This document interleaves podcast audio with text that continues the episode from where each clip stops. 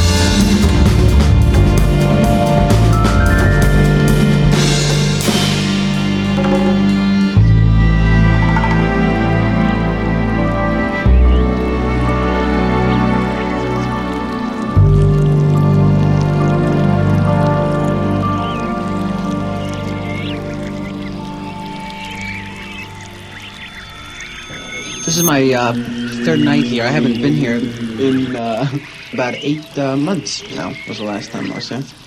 And um, since I was here last, a lot of significant things have occurred in my private life that I thought we could go over tonight and um, evaluate. I moved. Let me start right at the very beginning. Uh, I formerly lived in Manhattan, uptown east in a brownstone building, but I was constantly getting mugged and assaulted and uh, sadistically beaten about the face and neck. Through the trees comes autumn with her serenade. Melodies, the sweetest music ever played. Autumn kisses we knew are beautiful souvenirs. As I pause to recall, the leaves seem to fall like tears. Silver stars were clinging to an autumn sky. Love was ours until October wandered by. Let the years come and go, I'll still feel the glow that time cannot fade when I hear that lovely autumn serenade.